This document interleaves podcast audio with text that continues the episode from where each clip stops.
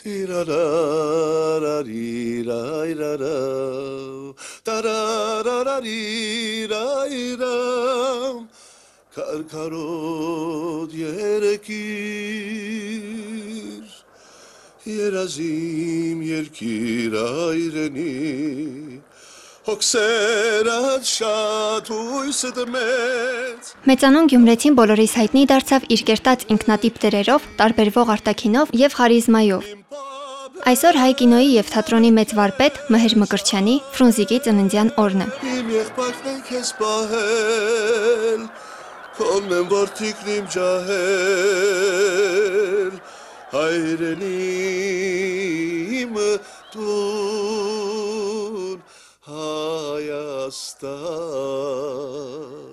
Ծնվել է 1930 թվականին Գյումրիում։ Բոլորի կողմից սիրված ու բոլորին ուրախացնող դերասանին անվանում էին ուրախ տխուր մարդ։ Նա գրեթե միշտ խաղում էր կատակերգական ֆիլմերում, սակայն երազում էր դրամատիկական դերերի մասին։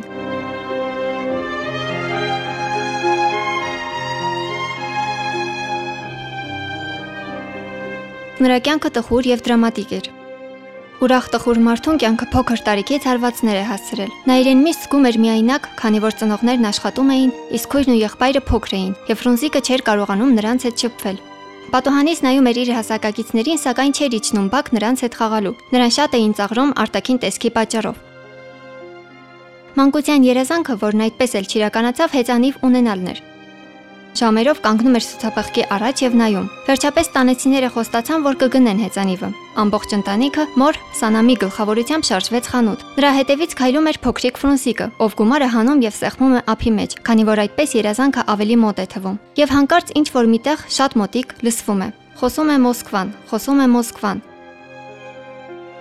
Ֆրունզիկը հիշում է, որ երկար ժամանակ կանգնած էր ցուցափեղկի մոտ, ուր փայլում էր հեծանիվը, իսկ դրան վրա կողպեկն էր եւ գրություն փակ է պատերազմի պատճառով։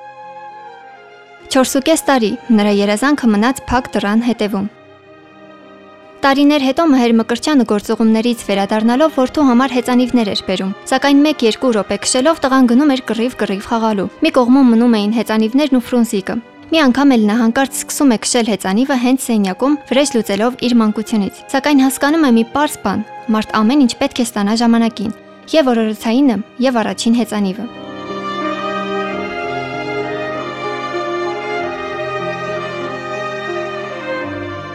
Մհեր Մկրչյանը շատերին հայտնի է որպես Ֆրունզիկ։ Ըստ նրա եղբայր Ալբերտ Մկրչյանի ծնողներն իրենց առաջնեկին Ֆրունզիկ են անվանել խորհրդային ռազմական գործիչ Միխայիլ Ֆրունզեի պատվին։ Երեսնական թվականներին հայերին մեղադրում էին ազգայնականության մեջ եւ նրանք սկսեցին երեխաներին տարօրինակ անուններ տալ։ Հայտնվեցին Ռոբերտներ, Ալբերտներ, Ֆրունզիկներ։ Իսկ երբ տարիներ անց Սունդուկյանի անվան թատրոնը, որտեղ աշխատում էր Ֆրունզիկը, Լիբանանում հյուրախաղերի էր մեկնել, տեղացիները նրան Մհեր էին անվանում, որը թարգմանաբար արև է նշանակում։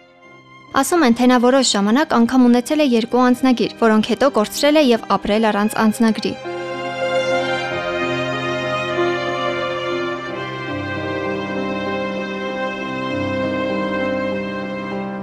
Դերասանին լավ ճանաչող մարդիկ պնդում են, որ նա լավատես էր, շրջապատի սիրտն ու ոգին, սրտակեր, միաժամանակ անսահման տխուր եւ հոգնած, անձնական խորը ողբերգություն ապրած մի անznավորություն։ Նրան ճանաչում, սիրում եւ գնահատում էին բոլորը։ Ամենուր մոտենում էին, բարևում, ջերմ խոսքեր ասում։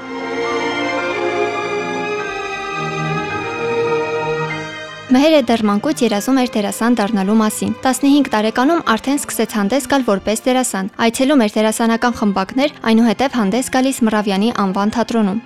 Այստեղ նա խաղացել է տասնյակից ավելի դերեր, ցուցաբերելով իր տարիքին անհամապատասխան վարպետություն։ Այնուհետև տեղափոխվել է Սունդուկյանի անվան թատրոն եւ միաժամանակ սովորել է Երևանի Գեղարվեստաթատերական ինստիտուտում։ 1959 թվականին ռեժիսոր Համասի Մարտիրոսյանը նրան հրավիրեց նկարահանվելու 0199 կարճամետրաժ ֆիլմում, որտեղ Մեհերի կերտած կերպարը դարձավ կինոարվեստում նրա գրանցած հաջողությունների սկիզբը։ դու մեքենայի տակ չես ընկել։ Չէ, Ay մատասինք չէ էլի։ Նյետ։ վայ քո խիղճը կտել։ Նա ոչ միայն սիրվեց Հայաստանում եւ Խորհրդային Միությունում, այլ նաեւ հայրենիքի սահմաններից դուրս։ Հնդկական երկու ֆիլմերում ստանձնած դերերը հանրահարչակ դերասան Մհեր Մկրչյանին անմահացրել են նաեւ հնդիկ հանդիսատեսի հիշողության մեջ։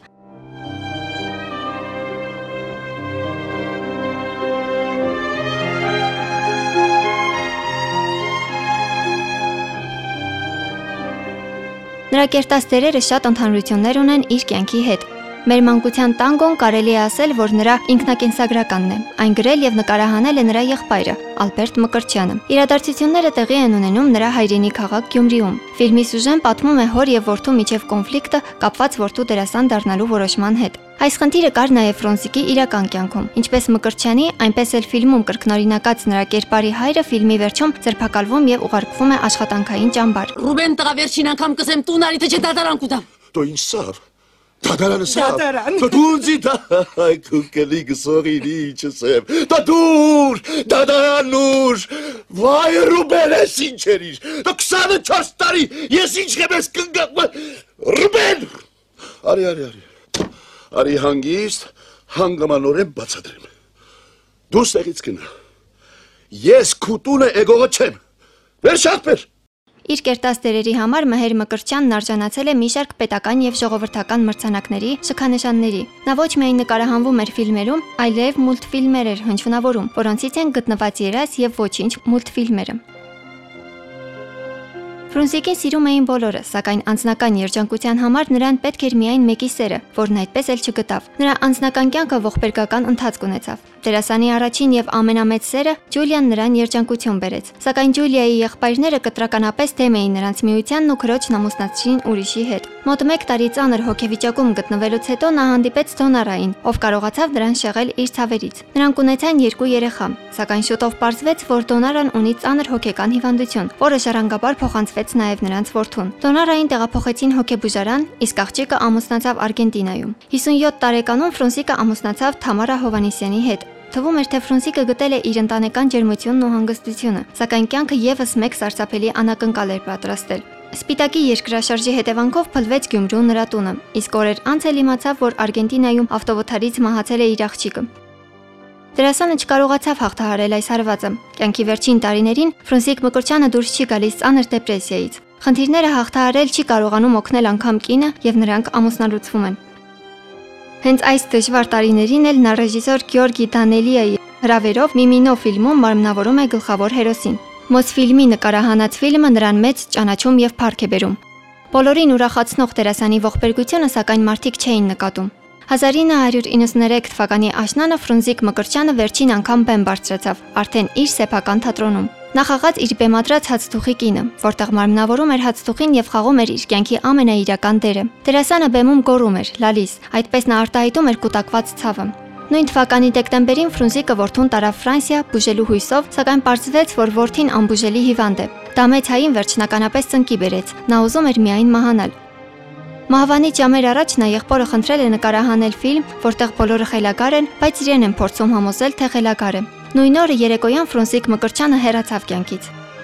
Նա մահացավ, սակայն Գասպարը, Դմբուզ Արսենը, Նիկոլը, Ռուբենը, Գրիգոր աղան եւ նրա կերտած մնացած բոլոր ինքնատիպ տերերը անմահացան հայ կինոյի եւ թատրոնի պատմության մեջ։